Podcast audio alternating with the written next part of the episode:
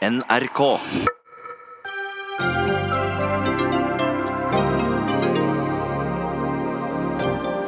Før han overhodet har rukket å bli offisielt utnevnt som barne- og familieminister, hagler kritikken mot Kjell Ingolf Ropstad.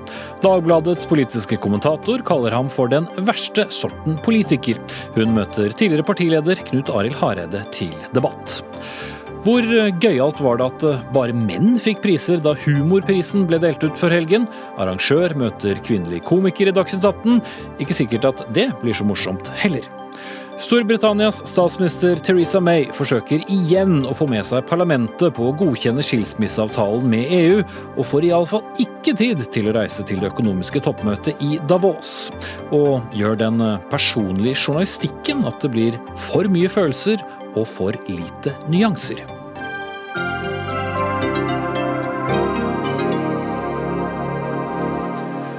Da sier vi god kveld og velkommen til mandagens Dagsnytt 18 med Espen Aas i studio. I en sending hvor vi også skal uh, snakke om politireformen. Ikke for første, men heller sikkert ikke for siste gang. Ennå har altså ikke KrFs Kjell Ingolf Ropstad rukket verken å sitte rundt kongens bord eller traske ut på Slottsplassen som ny statsråd. Ja, det er ikke engang offisielt at han skal bli ny barne- og familieminister, men kritikk for jobben han ennå ikke har begynt i, så det har han i alle fall fått. Og Marie Simonsen, politisk kommentator i Dagbladet, du skrev på Twitter i går jeg synes oppriktig synd på dyktige fagfolk og byråkrater i BLD, som er en forkortelse for Barne- og likestillingsdepartementet, som det heter i dag, som gang på gang blir belemret med statsråder som ikke har peiling på fagfeltet og må drive voksenopplæring. Flere har vært ydmyke og fungert OK. Kjell Ingolf er den verste sorten. Han vet ikke hva han ikke kan. Var det en grei karakteristikk? Uh, den, var, uh, den var berettiget. Den var selvfølgelig noe spissformulert, som man skal være på 200 tegn på Twitter. Uh, men, men eh, den eh, følte jeg meg så trygg på at jeg la fra meg telefonen og eh, gikk ut noen timer, og kom tilbake til en Twitter-storm. Og jeg lurte på hva i all verden har skjedd her? Og det var selvfølgelig da jeg så hvilke herrer som var ute og kritiserte meg. Det var da Knut Arild Hareide og Kjell Magne Bondevik, og det var Kristin Clemet, og det var Nikolai Astrup, og det var tydelig mobilisert hele bøtteballetten i regjeringsapparatet der for å si at her gikk en eller annen grense. Men hva provoserte deg i utgangspunktet med at eh, Ropstad da trolig blir ny barnefamilieminister? Ja, altså Det som eh, skjedde søndag formiddag, er jo, som nå er litt endret på, var jo at eh, det ryktes at han skulle bli likestillingsminister. Og Da må man jo se dette i den sammenhengen. Det er ikke sånn at disse tweetene og sånn oppstår i et vakuum, at man bare kaster seg over og, og, og slenger ut kommentarer. Det er altså eh, Vi er i ferd med å få en utvidet regjering som faktisk er blitt til eh, ved hjelp av angrep på kvinners rettigheter. Og når vi da får høre at eh, han som sto i spissen for dette her, eh, skulle bli likestillingsminister, så er det ikke rart at det eh, vekker sjokk og vantro, og, og at man, man har kritiske kommentarer til det. Og jeg vil si som eh, Knut Arild Hareide ofte sier når han diskuterer med Frp, at det er ikke personlig, dette er jo eh, eh, å ta politikken på alvor. Mm. Så ble det litt senere, som du forstått var inne på, klart at likestilling etter uh, sigende skal flyttes over til kultur. Ble det litt bedre da? Nei, det syns jeg faktisk ikke. Det er en veldig uheldig konsekvens av et valg Kjell Ingolf Ropstad og Erna Solberg har tatt. jeg mener da at han heller burde valgt seg en annen statsrådpost. Men det virker jo som om Erna Solberg da er faktisk enig med meg og andre kritikere at Kjell Ingolf Ropstad bør ikke styre likestillingspolitikken i Norge. Mm. Og da, Knut Arild Hareide, du har jo for så vidt blitt innannonsert et par ganger av Marit Simonsen allerede. Du rykket, som, som Simonsen sier, ganske raskt ut og, og mente dette, dette var lite raust. Det var jo snille ord. Vil du bruke noe sterkere? Ja, jeg reagerte på den meldingen, og det var ikke sånn at vi ble mobilisert. Vi reagerte negativt. Og det er fordi at det er verken riktig og det er direkte feil. Det som Marie Simonsen her sier. Og jeg har lyst til Marie Simonsen er en respektert en kommentator som jeg tror vi alle lytter til. Eh, og da syns jeg det er spesielt grunn til å reagere når en kommer med den type uttrykk som er direkte feil. Og jeg syns òg tonen i det altså denne, Men hva, er det som er direkte feil? Er det at ikke Kjell Ingolf Ropstad sitter med kunnskap. Han, er en, han kom inn på Stortinget da han var 23 år. Han går nå sannsynligvis da inn i regjering i morgen, 33 år gammel. Da har han sittet i arbeids- og sosialkomiteen, han har sittet i eh, miljøkomiteen, han har sittet i finanskomiteen, han har jobba med familieordninger, han har leda partiprogramarbeid til, til KrF. Og uavhengig om en er enig eller uenig med Kjell Ingolf Ropstad, han er en dyktig politiker. Eh, de som får han som statsråd, kommer til å oppleve en dyktig, lyttende politiker med stor erfaring. Og han går inn i regjering, og jeg vil si han er bedre kvalifisert til å gå inn i regjering enn det jeg var den gang jeg gikk inn i regjering i 2005. Og derfor så reagerer jeg veldig på dette. Men så òg reagerer på, på tonen i meldingen. Uh, Kjell Ingolf er den verste sorten. Jeg syns at da går politisk kommentator Marie Simonsen, som er respektert, ned på et nivå som ikke er henne verdig. Eh, dette var jo med henvisning til den verste sorten politikere. Altså Det var med henvisning til at jeg mener, selv om du har mange vakre ord om han, og han har lang erfaring til tross for ung alder, så snakket jeg om likestilling som faktisk er et fag. Det er veldig mange som ikke tror det, at de tror bare de kan alt om likestilling fordi at de liksom er kvinner eller menn eller skeive. Så kan de liksom uttale seg om om eh, likestillingspolitikk med tyngde, men det er faktisk et fag som folk forsker på, og det er en vitenskap. Og dette er et fagmiljø som også sitter i departementet. Og jeg syns jo en, eh, en, ting fra debatten i høst, så gikk han jo veldig hardt ut for å fjerne 2C, f.eks., som er denne som gir abortgrunnlag for alvorlig sykdom. Og da avslørte han jo en debatt at han faktisk ikke visste hva som var abortgrunnlaget, f.eks. Men, men samtidig så hadde vi ikke Nikolai Astrup eh, alt om utviklingen under huden, selv om han ble utvikling utviklingsminister Torbjørn Røe Isaksen kunne ikke næringslivet opp og ned da han ble næringsminister osv.? Nei, men man må jo huske at, at, at KrF i dette tilfellet i hvert fall Kjell Ingolf Ropstad står for en eh, linje som er ganske marginal i norsk eh, likestillingspolitikk. Det er et stort flertall for en helt annen politikk. Eh, jeg syns også at Knut Arild Hareide kan erkjenne at det har skjedd et linjeskifte i KrF. Knut Arild Hareide sto selv for en helt annen linje.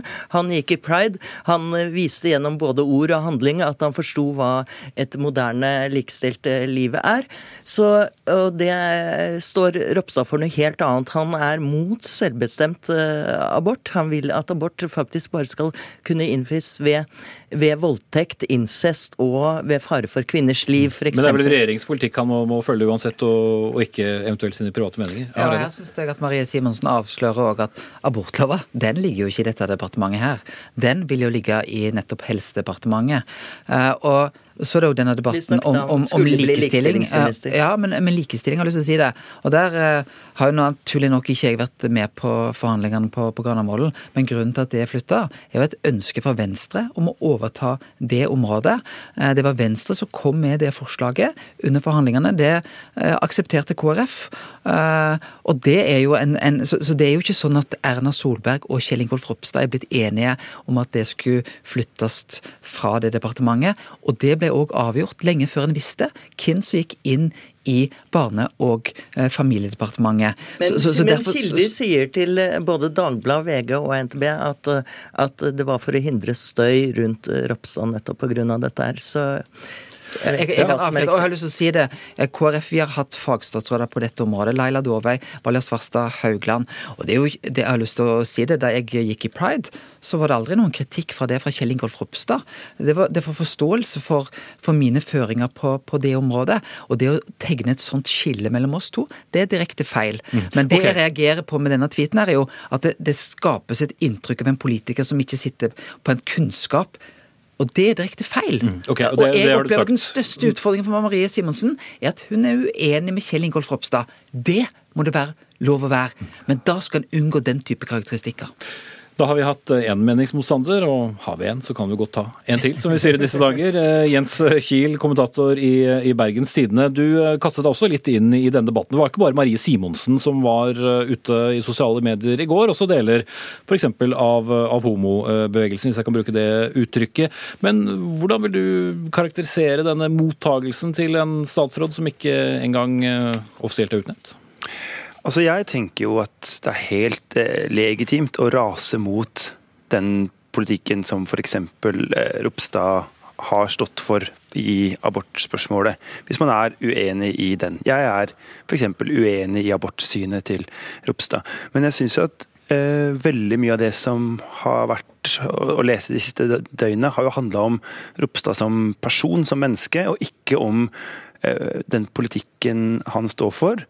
Og så er det jo heller ikke sånn at Ropstad skal styre på sin personlige magefølelse i departementet. Han skal jo da sitte der på grunnlag av en mer enn 100 sider lang og ganske detaljert politisk plattform. Eh, og så tenker jeg også at blir jo, han blir jo på en måte stempla som en slags eh, tulling, da, og en som bare ikke har peiling på feltet. Og, eh, BLD, Barne- og likestillingsdepartementet, er jo da ikke abortloven, men mange andre felt. Og de to endringene som Ropstad har fått til før jul, og nå i eh, regjeringsplattformen på barnetrygd, vil jo være to av de aller viktigste grepene mot barnefattigdom i Norge. For, eksempel, for å nyansere litt. Og, jeg synes at det blir en håpløs eh, debatt hvis det skal være greit å bare kalle Ropstein vits, og så gå videre, i stedet for å gå inn i eh, politikken. Mm. Og så mener jeg jo at Ropstad får vise seg tilliten verdig som en mann rundt kongens bord, og så håper jeg selvfølgelig at han lytter til dette, ser at han skal være en minister for alle, også f.eks. for, for skeive familier, og at han har lyst til å gå i en pride til sommeren. Mm. Simonsen? Ja, altså, tar opp dette med abortloven, så er jo abortloven kan du si, noe av juvelen i norsk likestillingspolitikk, i tillegg til likestillingsloven, som, som jo er nå omgjort til diskrimineringsloven. Eh, så jeg vil jo si at den er ganske sentral når det var snakk om å bli en eh, likestillingsminister. Jeg syns eh, også det er merkelig at man ikke skal kunne omtale og vurdere de enkelte statsrådene. Det er jo noe pressen, vi pressen gjør til stadighet. Og vi gjør jo det på og vi gjør jo det på Det er jo ikke sånn at Kjell Ingolf Ropstad er et ubeskrevet blad. Tvert imot er han, er han veldig klare og sterke meninger på mange områder som provoserer, og det vet man jo. Når det gjelder abort og likestillingsdebatt, så går temperaturen høyt fordi at det er svært personlig. Knut Arild Hareide oppfordrer i sin tweet eller sier at jeg er lite raus, men jeg tror det er kanskje noe av problemet at Kjell Ingolf Ropstad eh, oppfattes som lite raus mot kvinner i en vanskelig situasjon. Mm. Hareide og så Kiel. Det som er en utfordring, er jo at hva samfunnsdebatt er det vi ønsker oss.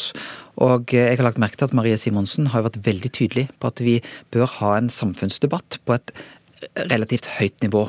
Eh, og annet kritisert en del av eh, kreftene på ytre høyre. Da har jeg fullt ut støtta Marie Simonsen. Eh, og det betyr noe hvilken form politikere kommentatorer legger seg på. Og det jeg mener er hovedutfordringen her, at her legger vi oss på et nivå som nærmer seg noe av det vi opplever på sosiale medier, som vi ønsker langt mindre av. Kan vi heller få en debatt om sak, uh, og, og, og istedenfor å ta person? Og, og, det er nettopp det som ligger til grunn her. Det er direkte feil. Det som blir sagt om Kjell Ingolf Ropstad. Okay, Han sitter der som kompetent politiker. Og òg uttrykket altså som jeg sier, den verste sorten. Så kan du si ja, det var, det var politikeren, men, men, det er jo mennesket en tenker på her på den måten dette er beskrevet. Mm. Og det er noe vi ønsker mindre av i debatten. Mm. Eh, til slutt, eh, Kiel. Eh, vil det få noen påvirkning, tror du, på, på jobben som Ropstad da eventuelt skal gjøre, når han blir, og hvis han blir utnevnt i morgen, at du har fått denne voldsomme debatten allerede i forkant? Jeg veit ikke, men jeg tror jo at eh, det å få så mye dritt mot seg som Kjell Ingolf Ropstad har fått det siste døgnet, det tror jeg gjør noe med nesten alle mennesker. Eh, for det er noe også, sånn som jeg kjenner disse toppolitikerne, så er det jo bare folk, de òg. Og det er jo klart at noe av de ordene vi har diskutert her, er jo veldig milde sammenligna med hva det har på en måte åpna opp for i baklandet av, eh, i kommentarfelt og på Twitter og Facebook eh, osv. Og, så og så tror jeg jo kanskje at eh, at hvis eh, eh, Ropstad er, eh, er, smart, da, så kanskje han klarer å bruke dette til en sjanse til å bevise at han har lyst til å være en barne- og familieminister også for eh, andre enn den eh, heterofile, vellykkede kjernefamilien. Eh, og det har han jo alle muligheter til. Mm. Og ut fra de opplysningene du sitter på, så kan han begynne den jobben allerede i morgen. Takk til Jens Kiel, kommentator i Bergens Tidende, Marie Simonsen, kommentator i Dagbladet, og skal vi si, stortingsrepresentant Knut Arild Hareide. Men vi gir oss eh, jo ikke helt med å snakke om det som skal skje i morgen. Eh, politisk kommentator eh, Lars Nehru Sand, det kommer stadig inn nye meldinger, rykk og napp, om, om, hvordan denne regjeringsutvidelsen blir i morgen. Hva slags bilde har vi nå kvelden før? Det tegner seg et bilde av at Venstre ikke gjør noen endringer og beholder sine tre statsråder på de tre plassene de har i dag, og KrF da kommer inn med tre statsråder, som vi vel har hørt i et døgn. Barne- og familieminister eh, Kjell Ingolf Ropstad, mens man da flytter likestillingsansvaret til Kulturdepartementet og, og Venstres leder. Eh, KrF får også ansvaret for utvikling og bistand i Utenriksdepartementet med Dag Inge Ulstein, som har vært byråd i Bergen, og KrF eh, og fungerende leder Olaug Bollestad for landbruksministerposten som Bård Hoksrud da returnerer til Stortinget eh, fra. Det Fremskrittspartiet nær sagt veksler dette inn i, er en nyopprettet funksjon i Justisdepartementet som en eh, beredskapsminister, hvor da nåværende statssekretær i Olje- og energidepartementet, Ingvild Smines Tybring-Gjedde, skal overta den, eller skal innta den eh, posisjonen i Justisdepartementet, som da på nytt deles i to. Så har NRK fått eh, bekreftet at eh, Høyre får en nyopprettet funksjon i Kommunal- og moderniseringsdepartementet som eh, digitaliseringsminister. En person som da får ansvaret for digitalisering og IKT i, i offentlig sektor i, i særdeleshet. Mm. Og Det som da skjer, Lars, er jo at ja, det blir virkelig en regjeringsutvidelse. For da blir det to ekstra statsråder. Det er bare én som eh, forsvinner ut, og det er eh, Bård Hoksrud, den eh, sittende landbruksministeren, og for så vidt da Linda Hofstad Helleland. Men altså, det er bare i sum en statsråd som, som går ut. Hvorfor velger Erna Solberg å utvide regjeringen? Det er nok to grunner til det. og Man skal nok ikke legge skjul på at noe av det er matematikken, og det er viktig for uh, Frp å beholde syv statsråder, slik at uh, Frp syv da er større enn Venstre og KrF sine tre pluss tre til sammen, for å synliggjøre at Frp ble betydelig større enn de to partiene ved forrige stortingsvalg. Men så gir jo ikke egentlig regjeringsplattformen, når man leser dokumentet, egentlig noe tydeliggjøring av to store prosjekt, men jeg tror både beredskap og det å trygge Norge er eh, noe eh, høyresiden vil være opptatt av, og, og være opptatt av å ha et sakseierskap eh, til. Og det er endringer både at Justisdepartementet er blitt veldig stort, og at politireformen tar mye tid, kan tale for at det å ha en beredskapsminister har noe for seg. Så er jeg sjøl for så vidt veldig spent på en digitaliseringsminister, hva man får ut av den posten. Det er jo et over overordna arbeid som griper inn på mange sektorområder. Eh, helsesektoren har mye av dette. Eh, Nav og, arbeids, altså på arbeidsministerens eh, område. Finansministeren som har ansvar for skatteetaten. og Det er mange sektorer i det offentlige Norge hvor digitaliseringsarbeidet går bra. Mange trekker frem skatteetaten og, og Lånekassen f.eks. Og eksempler på hvor det går dårlig. Mange vil trekke frem helsevesenet og, og Nav som noen eksempler hvor, hvor man har eh, en god vei igjen å gå. Eh, og Det å få en eh, minister som har et overordna ansvar for det, kan på sett og vis slå, slå, to, slå, ut på to måter. Det ene er at du får en, en som får alle skyllebøttene, og det andre er at du får en som faktisk kan ta grep på sektoroverskridende viktige saksfelt, som jo IKT-politikk er. Mm. Da har vi snakket om dette som spekulasjoner i, i to dager, men uh, da får vi tro at vi ser alle disse menneskene på Slottsplassen uh, i morgen, før de skal uh, få sine nøkler dandert med små morsomheter av de avtroppende statsrådene. Takk skal du ha, politisk kommentator Lars Nehru Sand. Dagsnytt 18 alle hverdager klokka 18.00 på NRK P2 og NRK2. Det høres kanskje pussig ut, men det er ikke alltid at humor er like morsomt. For det var altså ingen eh, kvinnelige komikere blant vinnerne da Humorprisen gikk av stabelen på fredag, og bare en liten andel kvinner var også nominert. Komiker Signe, Sigrid unnskyld, Bonde Tusvik forlot utdelingen eh, i protest etter hvert, og har sagt at kvinner gjennomgående ikke blir sett og hørt i Humor-Norge. I tillegg var det flere komikere med innvandrerbakgrunn som ikke engang var invitert. Men eh, Trond Kvernstrøm, leder av Komikerprisen, du må ikke begynne å le før debatten. Hva, hva var innledningen igjen? Jeg tar ikke den en gang til. Jeg skal stille deg eh, et spørsmål. rett og slett. Er det ikke spesielt mange morsomme kvinner i vårt langstrakte land? Det er det ikke jeg som skal bestemme, men jeg syns jo det. Men tenkte du eh, at det var litt rart at ikke det var noen eh, kvinnelige prisvinnere? Ja, altså når showet var over, så eh, var det jo ikke det vi hadde ønska oss. Det var det ikke. Men det var det som juryen stemte fram denne gangen. Og da er det greit? Nei, det er jo ikke greit. Vi, eh, da må vi jobbe annerledes.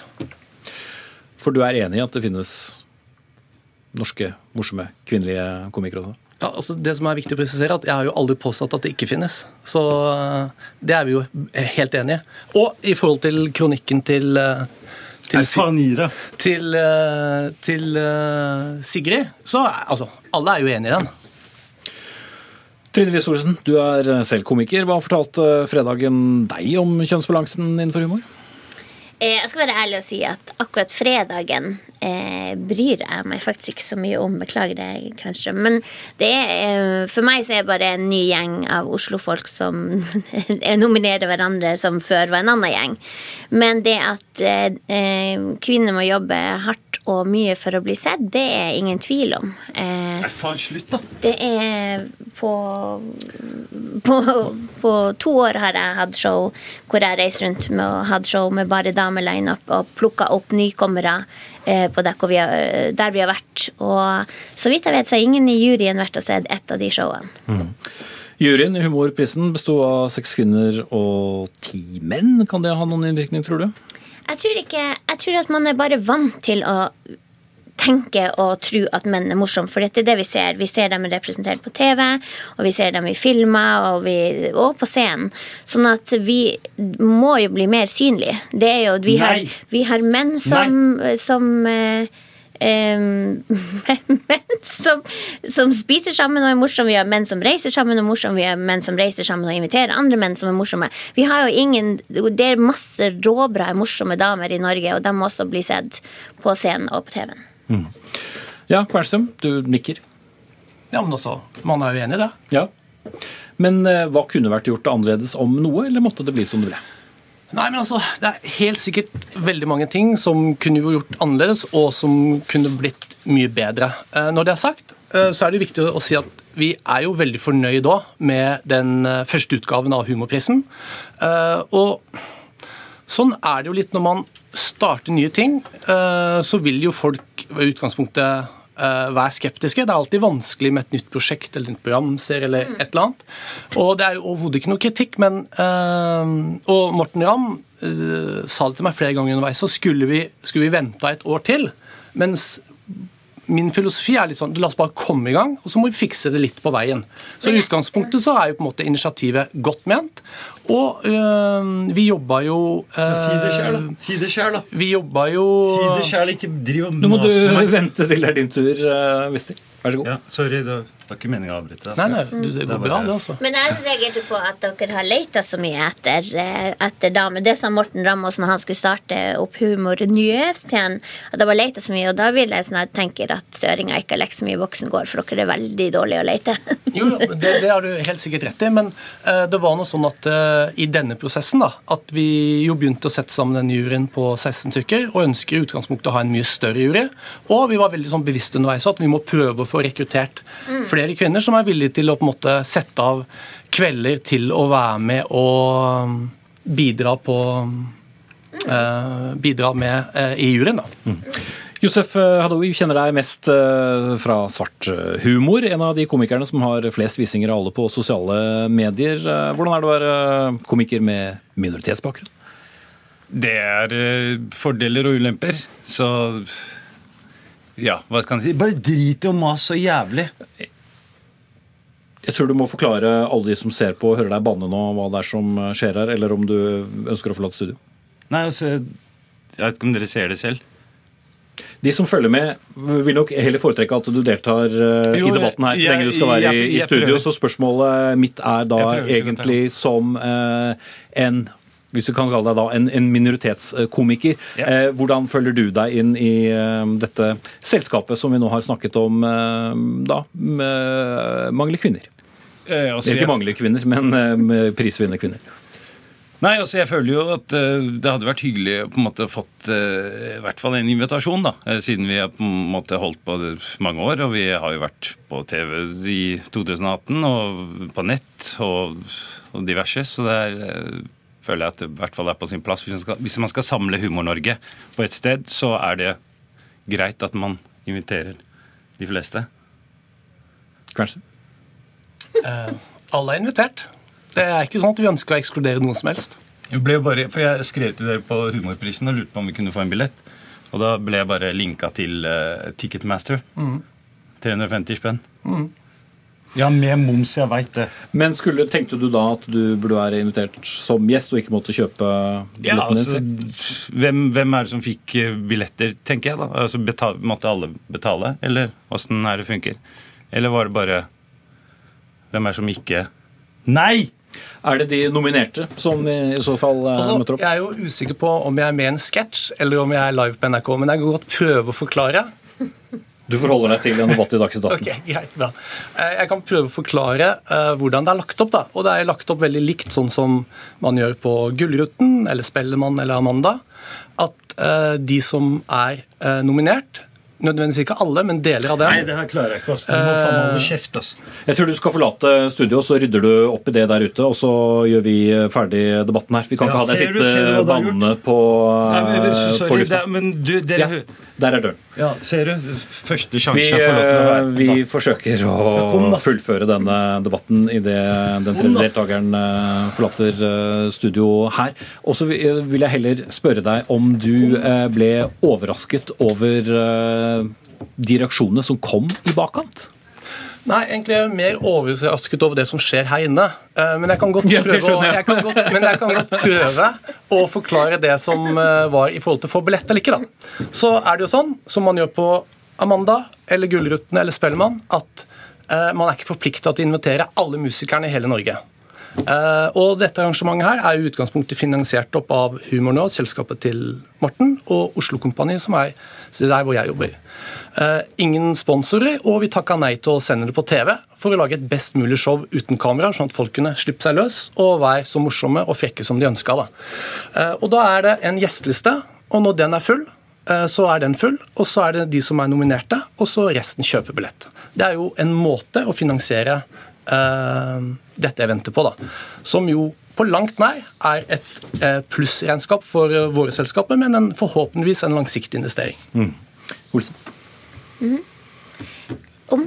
Om arrangementet og hvordan det fungerer. altså Hvordan ville Du sett for deg, du sa jo for så vidt at ikke du brød deg så mye om det, men samtidig så bryr du deg litt om hvordan komikere om- blir eh, representert både, både geografisk eh, og for så vidt eh, hva kvinner og menn angår. Ja, men jeg tenker det mangfold er bra uansett. Men for meg så er det viktig eh, som kvinne i bransjen å, å prøve å hjelpe dem som kommer etter meg. Så jeg blir litt sånn der Hvis vi skal vente på alle dem som styrer, eller dem som har all makta til å gi oss plass, så må vi heller bare ta plass. Og så får vi jobbe oss opp og bli gode, og så Ja, så får vi jobbe oss gode, og så kommer de etter hvert. Men uh, det er jo fint hvis de tenker på uh, fordi det er jo nettopp sånne folk som deg som kan få inn damer på TV, eksempel. Ja, er du gæren. Eh, og de som kjenner meg godt, vet jo at jeg har jo ansatt mye flere kvinnelige avdelingssjefer, administrerende direktører, produsenter enn jeg har ansatt menn. Så, men nå, det skal Jeg tror ikke du er kvinne, det er ikke det jeg sier, men det nytter ikke. Vi må jo se dem på TV. Vi Ja, må jo se de her Men jeg tror en morsomme god måte å løse dette på, er jo uh, istedenfor å lage et hylekor uh, Nå må du være med på vår debatt. Uh, istedenfor å lage et hylekor, så ville jeg jo uh, heller begynt å prøve å jobbe preventivt.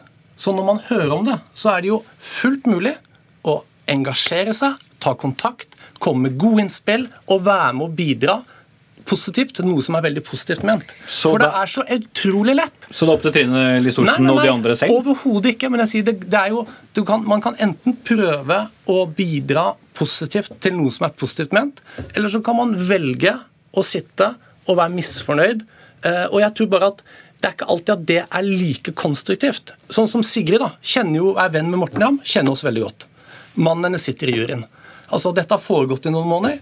Vi hadde aldri blånekta for at hun kunne kommet med veldig gode innspill eller hjulpet oss på vei på hva vi er nødt til å være bevisste på. Og så er det ikke hennes ansvar, men hun har muligheten til det. Det er først og fremst vårt ansvar. Eh, Men så, jeg, ja. Ja, er jeg syns det er fint eh, liksom, Nei, at man får lov å si fra uten at det blir hylekor. fordi at eh, det er, eh, jeg er Som sagt, den prisen der, den er nyoppstarta. Og det som er veldig kjedelig, er at alle som har vunnet, får jo ikke lov til å være så glad for sine priser heller. Altså, de var veldig blir- glad for fredag. Ja, selvfølgelig er de det. Og de er jo glad, men det, er jo, det tar jo litt vekk fra glansen når det blir eh, så mye eh, eh, bråk om det etterpå. Men å si fra betyr ikke at man står og hyler. Det betyr at vi vil ha endring, at, vi vil, eh, at det skal, man skal få opp øynene. Og en sånn pris var et så tydelig eksempel på at her er noe som ikke er riktig. fordi at det, Du har masse damer som selger ut show på show på show, så det er jo ikke sant at folk ikke syns at damer er artig. Fordi at de finnes der ute, og folk kjøper de her billettene. Jeg, det, Så folk vet, vet om dere, men uh, ja, altså, ikke etablissementet? ja, men altså, det er jo igjen Jeg vokste opp med å se Grete Kausland og Hege Skøyen på TV, og det har gjort kjempemye for meg. Bare tanken på at det var mulig at jeg kan være der inne. Og jeg hadde allerede flirt av Oluf og, og Harald Eide Steen og sånn, så det var jo ikke sånn at jeg liksom ikke ler av det menn gjør, men det er jo noe med at å, det her representerer meg på en annen måte, som gjør at å, det her er mulighet for meg. Og jeg tenker at det må vi fortsette med, selv om vi har YouTube og alle de andre kanalene som folk ser på TV, så er linær TV viktig å få men det i utgangspunktet så er vi jo helt på linje. Og det tror Altså, jeg vi- på. det er jo Men da sånn lager vi er et program sammen, Trond, og så er det ordnet. Det gjør jeg mer enn gjerne. Uh, og det gjør vi i og for seg. Det kommer på TV3 nå på mandag. Humor kan være alvorlige saker, skal vi være enige om det. Og hvis noen lurte på hva i alle dager som skjedde inne i studio, for det lurte i hvert fall vi på, så var Ja, i hvert fall det av landet. et, eh, var det et forsøk på humor fra Josef Halloui, men eh, vi visste ikke så mye om det på forhånd. Og ja, det var ikke tidspunktet hvor vi skal si 'og vi lo'. Men takk skal dere ha. Takk.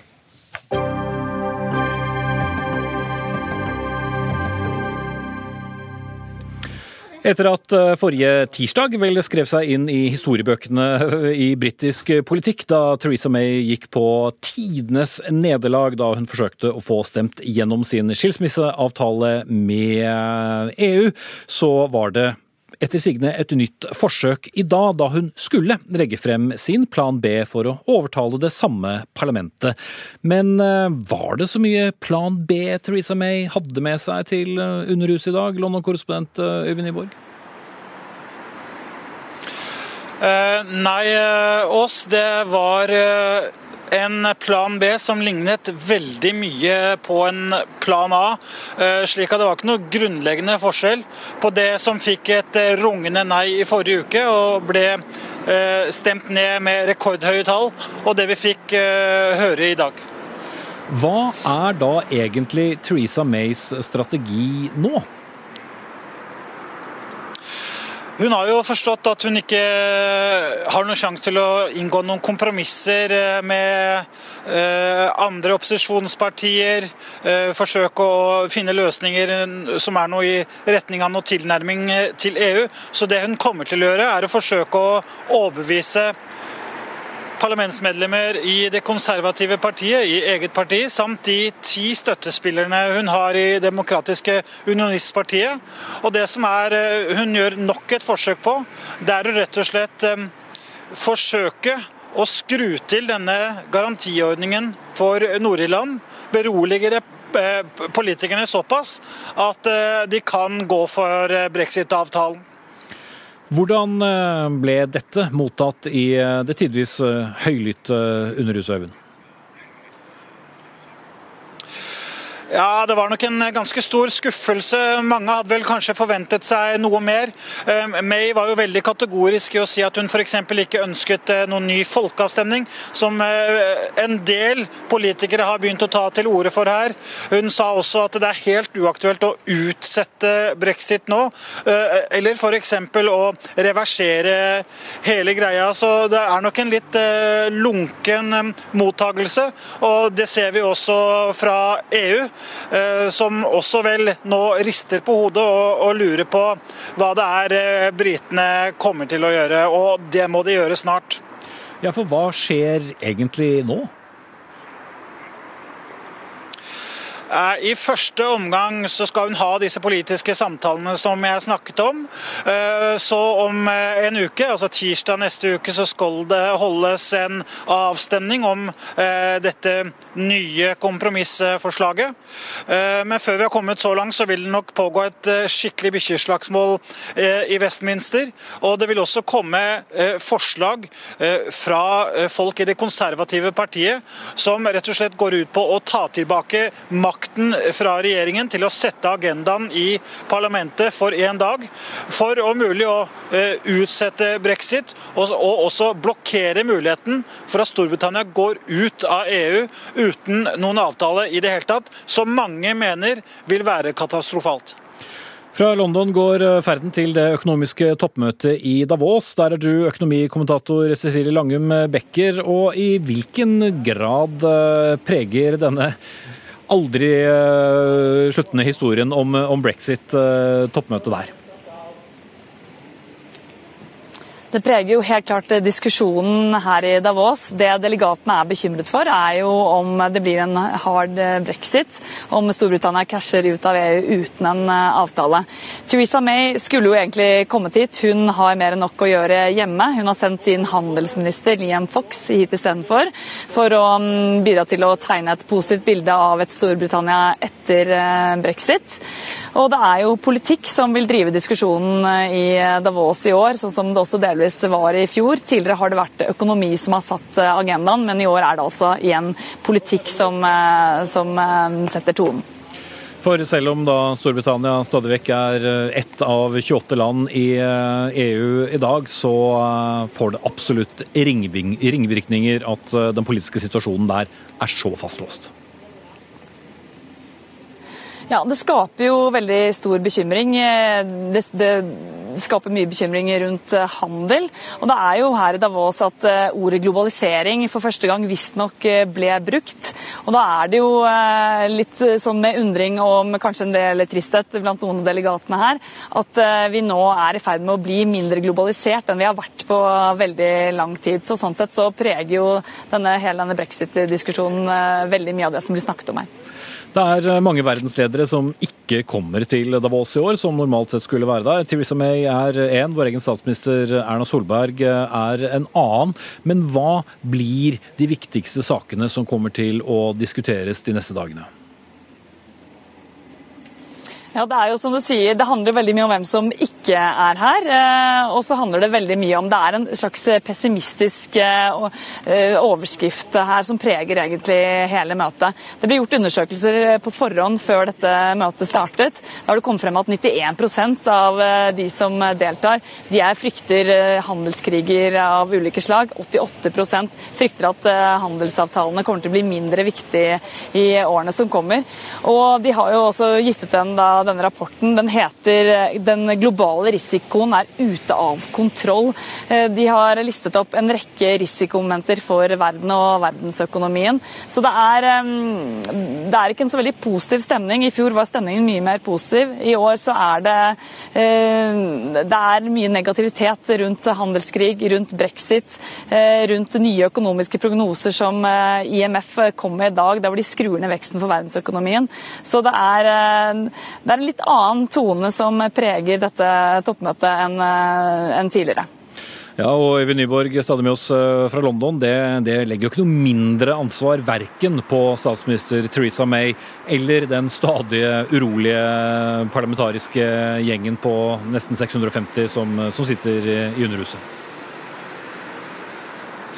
Eh, absolutt ikke. og Dessuten så er det jo interessant å se de få eh, signalene man har fått fra Brussel i dag. Eh, den polske utenriksministeren var jo tidligere i dag ute og, kom med et slags forslag for å løse denne mye omtalte garantiordningen for Nord-Irland. Han sa at kan vi ikke bare rett og slett si at dette får vare i fem år. Kanskje det vil få parlamentarikerne her til å komme på bedre tanker, men det ble straks avvist fra Brussel Brussel. Det Brussel mener, er at dersom britene skal få noen nye betingelser, nye innrømmelser eh, fra dem, så må det snakkes et helt annet språk fra London. Det betyr at eh, de må være interesserte i å gå inn i diskusjoner om å fortsatt være med i f.eks. EUs tollunion, men det har jo regjeringen sagt blankt nei til. Da sier takk til deg, Evin Nyborg i London, Cecilie Lange Becker i Davos.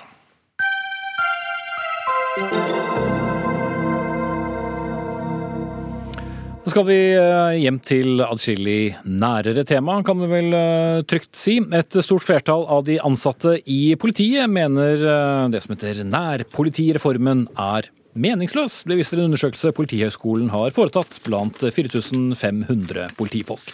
Kun 20% av de politiansatte oppgir at reformen gir mening. Og Sigurd Bolstad, leder i Politiets Fellesforbund, hvor representativ er den undersøkelsen for dine folk? Ja, altså Vi mener jo at den er meget eh, representativ. Eh, det er 4500 som har svart. Så jeg ønsker jeg å ta bare sånn kort om historikken. Politiets Fellesforbund, de andre organisasjonene og vernetjenesten har vært med i prosessen i forkant av utarbeidelsen av nærpolitireformen. Daværende justisminister Anders Anundsen tok oss med på en forbilledlig måte. Så vi fikk være med. Så mye av det som står i reformen, det er meget bra. Problemet, og det som forskning nå også viser, det er at hovedintensjonen med hele nærpolitireformen, nemlig at man skulle komme tettere på, mer tilgjengelig, mer uh, synlig og mer tilstedeværende, viser forskning at det er ikke tro på. Altså, når 80% sier at de ikke har tro på det, så må man ta det på alvor. Det er det ene.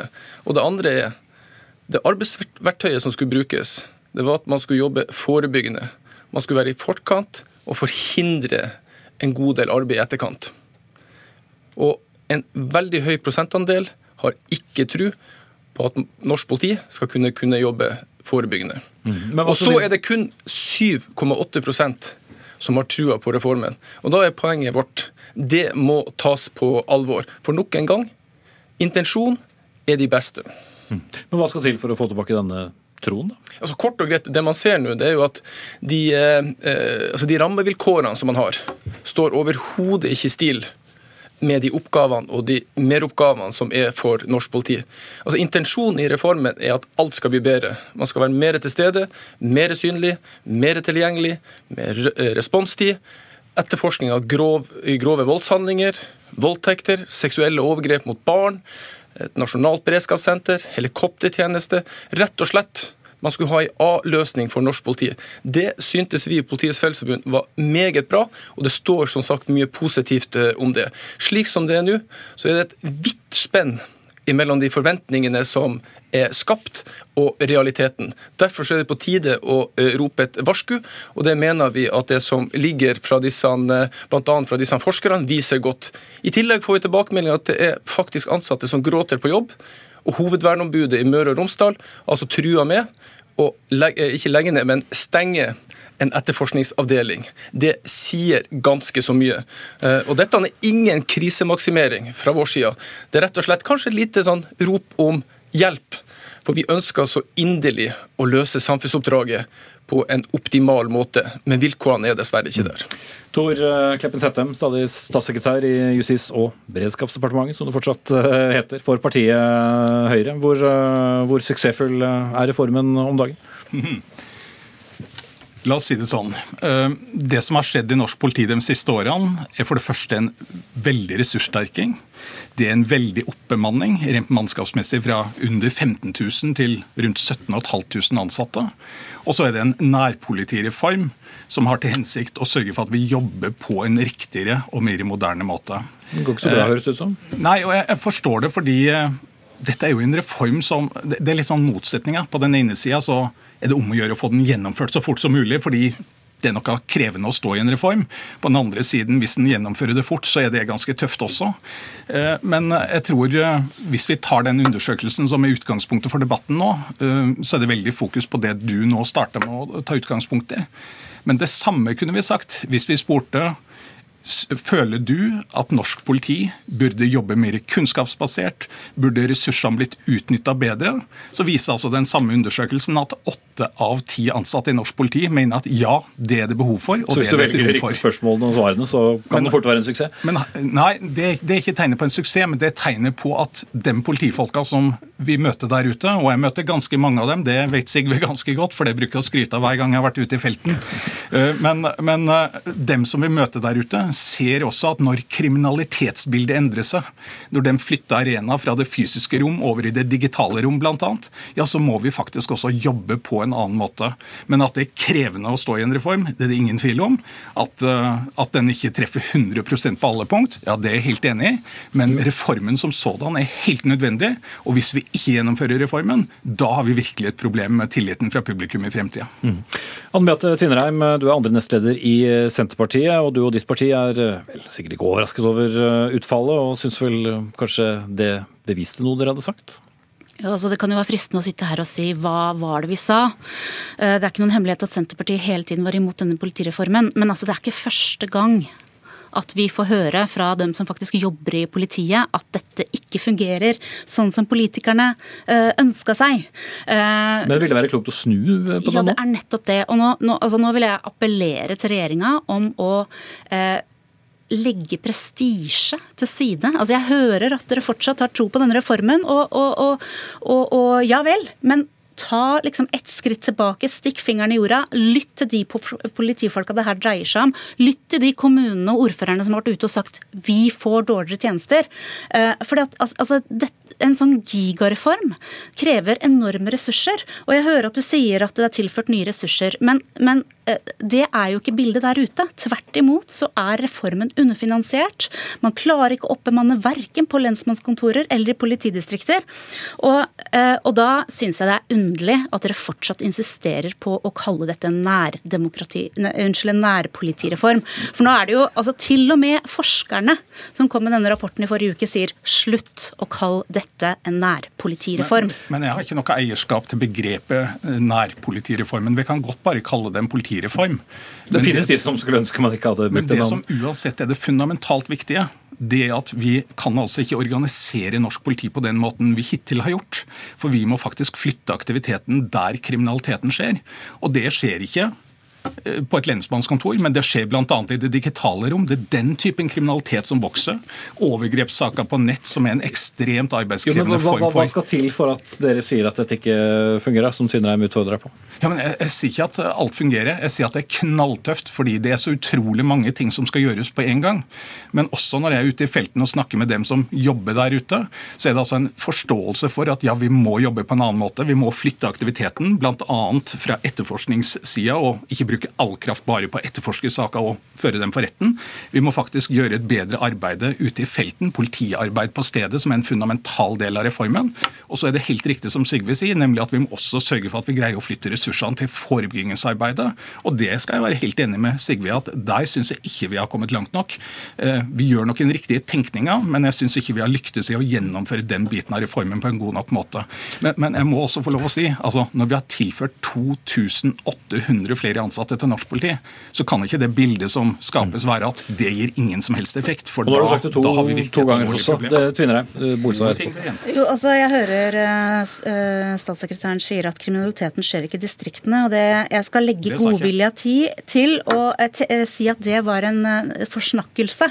Poenget er at vi må jo gjøre begge deler. Det er ikke sånn at vi er imot å bygge sterke spisskompetansemiljøer på, på, på ny kriminalitet. Men du må jo fortsatt ha en tilstedeværelse der der ute. Og nå er det altså 130 kommuner som ikke har tilstedeværende politi. Og, og vi vet at uh, uh, i stadig flere tilfeller og eh, hendelser så er det det lokale kommunale brannvesenet som er førstemann på stedet, og som ofte må ta, altså gjøre politioppgaver, f.eks. håndtere grov vold når det skjer noe i mer grisgrendte strøk. Og det, det var her, det sist det vi er diskuterte nærpolitireformen. Eh, men altså, men- bare for å være på den konstruktive siden da, før uh, setningen vår tilbake. Eh, altså, er det noe som Senterpartiet synes er riktig med politireformen? Nei, Tydeligvis ikke. Du ble stille. Eh, ja, men så, ofte så får vi høre at det er liksom en motsetning mellom det vi sier, vi vil ha ressurser også i distriktene, og eh, eh, f.eks. bekjempelse av, eh, av eh, eh, barneporno. Altså, det, det blir, hele debatten blir så karikert. Selvfølgelig ønsker også vi å styrke den spisskompetansen politiet trenger, men politiet trenger også tilstedeværelse i hele landet. Politiet trenger flere ressurser. Ja, Og det var ikke noe liste over gode ting der, hørtes og det ut som. det er fundamentalt enig i, selvfølgelig. Og, og jeg reagerer litt når du sier at politiet ikke er til stede i 130 kommuner. altså Det, er det er jo helt horribel påstand. For da tenker du at det er på det lokale lensmannskontoret der sitter det x antall personer, og det er dem som skal håndtere kriminaliteten i vårt lokalsamfunn. Men vi vet også at de kontorene har altså en begrensa åpningstid, kanskje noen få timer daglig, noen få ganger i uka. Det er altså ikke der nødvendigvis den som rykker ut til en akuttsituasjon kommer ut fra. De kommer ut fra helt andre steder, gjerne fra den lokale politistasjonen i et nærmere større tettsted. Og de ressursene finnes på veien til enhver tid. Og den som bor i et lite bygdesamfunn, enten det er i ditt hjemfylke eller i Møre og Romsdal, mitt hjemfylke som er et mye mer distriktsfylke enn ditt hjemfylke, så er det altså sånn at, så er det altså sånn at så er det altså sånn at Den typen kriminalitet som skjer i det digitale rom, enten det er identitetstyveri, overgrep på nett eller andre ting, både offer og gjerningsmann kan finnes i et lokalsamfunn, men de finnes langt unna hverandre, og det kreves helt andre arbeidsmetoder for å ta den typen Bolstad kriminalitet. få siste ord. Dette, dette, dette er fakta. Altså Det som forskerne har kommet fram til, er fakta. I tillegg så er det to forskere på Politihøgskolen som har kommet ut med en bok som heter 'Politireformer'. Jeg anbefaler den å lese den også. Det som jeg er ikke i tvil. Politiets Fellesforbund er ikke i tvil om at man har de beste intensjonene. La det være sagt og stadfesta en gang for alle. Det vi er ute med nå, det er å si hva er fakta nå i forhold til framdriften. Fakta er at man får en nedbemanning av norsk politi i forhold til budsjett 2019 i forhold til 2018. Samtlige tolv lokallagsledere i de tolv politidistriktene har vært tydelige med det. I tillegg så ser vi at saksbehandlingstida på politisk prioriterte saker som voldtekter, grov eh, kriminalitet eh, og det som går på seksuelle overgrep mot barn. Altså Man klarer ikke å holde sin egen saksbehandlingstid. altså Den tida som politiet sjøl har satt, klarer man ikke å holde. Og Det er på en måte et sykdomstegn som det må tas tak i. Så det vil si, Og så handler det litt om de forventningene som er skapt. Vi klarer ikke å nå det. Så dette er et lite varsku og et rop fra et fantastisk politikorps som rett og slett hjelper oss litt. Ressursene står ikke i stil med de forventningene som er til, til norsk politi. Det er det dette handler om, og det er det som forskerne faktisk har forska seg fram til. Vi skal helt sikkert ha flere nærpolitireformdebatter her, for de har det vært mange av, og kommer sikkert til å bli flere av også. Men da må vi si takk til dere til. Tor Kleppen Settem fra Justisdepartementet, Anne Beate Tindre fra Senterpartiet og Sigurd Bolstad fra Politiets Fellesforbund. Hør Dagsnytt 18 når du vil. Radio NRK Radio.nrk.no.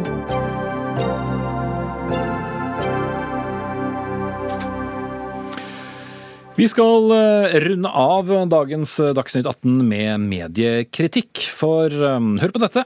Sitatet. Det personlige kom inn i journalistikken for å hjelpe oss å forstå en kompleks verden. Det har gjort kompleksiteten nesten usynlig.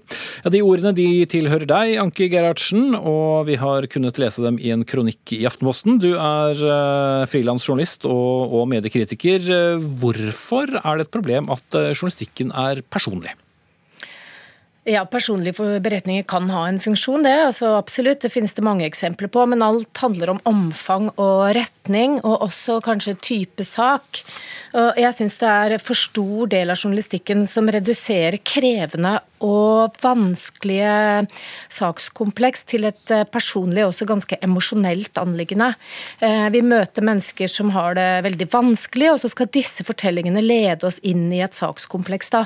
Men eh, jeg er redd for at nettopp det komplekse ofte kommer i skyggen da, fordi disse fortellingene virker på oss helt eh, eh, De vekker voldsomme følelser, og dette kan også være svært sånn retningsstyrende for hvordan eh, publikum så vel som eh, eh, politikere tolker og forstår saken, og også tenker løsningsalternativ. Og da kan det altså hende, som vi også tidvis ser, at det komplekse forsvinner av syne. Og det syns jeg er skummelt. Det kan fort bli nesten manipulerende. Du trekker frem flere mediehus, eh, men et av dem er altså denne Side-redaksjonen i Aftenposten, hvor du skriver dette er spalter som kunne fungert som en spennende arena for å få unge mennesker til å debattere verden og omgivelsene. I stedet er det blitt en grenseløs plattform for selvmedlidende smerteberetninger som ofte er helt uegnet for eh, diskusjon. Hvorfor det? Ja, jeg syns det er pussig at uh, debattredaksjonen i Norges største avis i så sterk grad stimulerer til et selvsentrert fokus blant unge, potensielt samfunnsengasjerte mennesker. Da.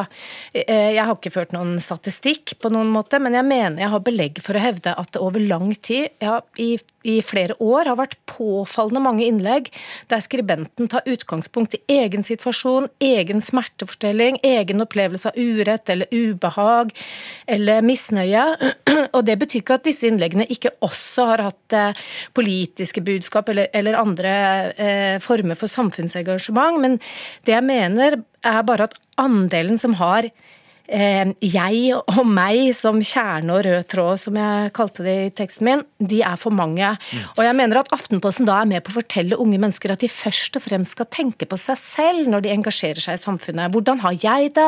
Hvordan okay. vil jeg at samfunnet skal være mot meg? Da skal jeg stoppe deg der, eh, Gerhardsen, for klokka går her. Ja. Eh, Vilde Bratland Hansen, du er journalist i Aftenpostens sideredaksjon og startet karrieren selv med å skrive innlegg til den samme redaksjonen. Og som vi hører, det er problematisering av denne personlige journalistikken journalistikken. Eh, hva hadde skjedd om vi hadde tatt den bort? Jeg mener jo at eh, det hadde vært veldig trist. Jeg mener jo at eh, Side er en kjempefin debattarena for ungdom. Og jeg tror mange av de personlige historiene som fortelles, skaper gjenkjennelse for veldig mange. Vi vet jo f.eks. at psykisk helse er et tema som angår veldig mange unge i dag. Og vissheten om å vite at man ikke er aleine, f.eks., er noe jeg ser nytten av. Mm. Men det er noe generaliserende, eller noe som vil gjelde for mange. Men ser du poenget til Gerhardsen, at de personlige historiene kan komme litt i veien for det som er hovedpoenget?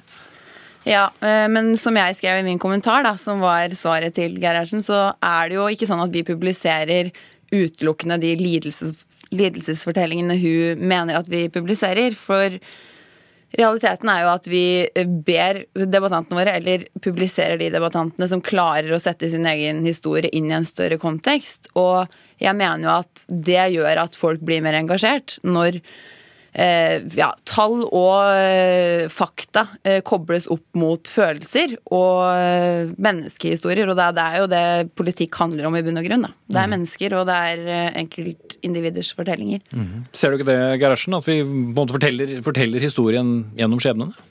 Jo, absolutt. Og jeg er ikke sånn kategorisk Jeg mener ikke at man skal fjerne det personlige fra all journalistikk framover. Jeg bare sier at jeg syns det dominerer i for stor grad, og at det eh, tidvis eh, tar kompleksiteten vekk. Da. du, du, du vil ha mer fakta og mindre av den personlige opplevelsen?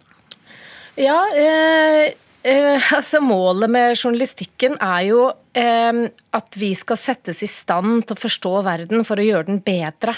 Og da må vi liksom vekte balansert eh, kunnskap litt sterkere, kanskje, enn det vi gjør i dag. Og så syns jeg et annet poeng som er ganske viktig òg, det er at jeg tror at mange kan vegre seg for å gå i debatt, gå inn i debatten om disse vanskelige sakskompleksene når de er fronta av veldig sårbare mennesker som har sterke og opprivende fortellinger. Da, fordi at eh, det er lett å da bli oppfatta som brutal. Mm. Hansen? For det første så eh, er det ikke alltid sånn at fakta er det beste. For hvis vi ser på klima f.eks., så er det jo fakta og tall som gjør at vi blir helt handlingslamma. Det er enkeltfortellingene og hvordan klimaforandringene endrer livene til folk, som gjør at vi faktisk begynner å handle. Men hva med det å angripe, hvis det da ender opp med å angripe en person snarere et eh, tema, som eh, Gerhardsen sier? Eh, for å si det sånn, alle debattantene våre i Side eh, er fullstendig klare over at de kan få reaksjoner på tekstene sine. Vi prepper dem alltid på den slags type ting. Vi snakker med foreldrene til de helt yngste debattantene. Eh, og de aller fleste tekstene våre går det an å debattere uten at det skal gå på person. da. Gerhardsen, veldig kort slutt. Eh, jo, jeg tror at intensjonene er gode. Jeg tenker kanskje mer på hvordan eh, andre med andre oppfatninger opplever debattklimaet. At man er redd for å bli tolka som brutal hvis man går inn og mener noe helt annet enn det de sårbare mål bærer, da. Mm. Veldig kort slutt, Hans. Eh, det er ikke oppfatningen vi har i det hele tatt i side. Det er nesten snarere tvert imot. Det er veldig mange som tør å si hva de mener, eh, også til helt eh, unge og sårbare debattanter. Mm. Det er det vi rakk. Takk skal dere ha begge to. Vilde Bratland Hansen fra sideredaksjonen i Aftenposten og mediekritiker Anki Gerhardsen. Denne sendingen er med veis ende, iallfall. Ansvarlig for den Anne Katrine Førli. Marianne, Myro, Marianne Myrhol hadde teknisk ansvar. Jeg heter Espen Aas, og jeg tror det er noen øyeblikk fra den sendingen som lønte seg å se på fjernsyn. Takk for nå.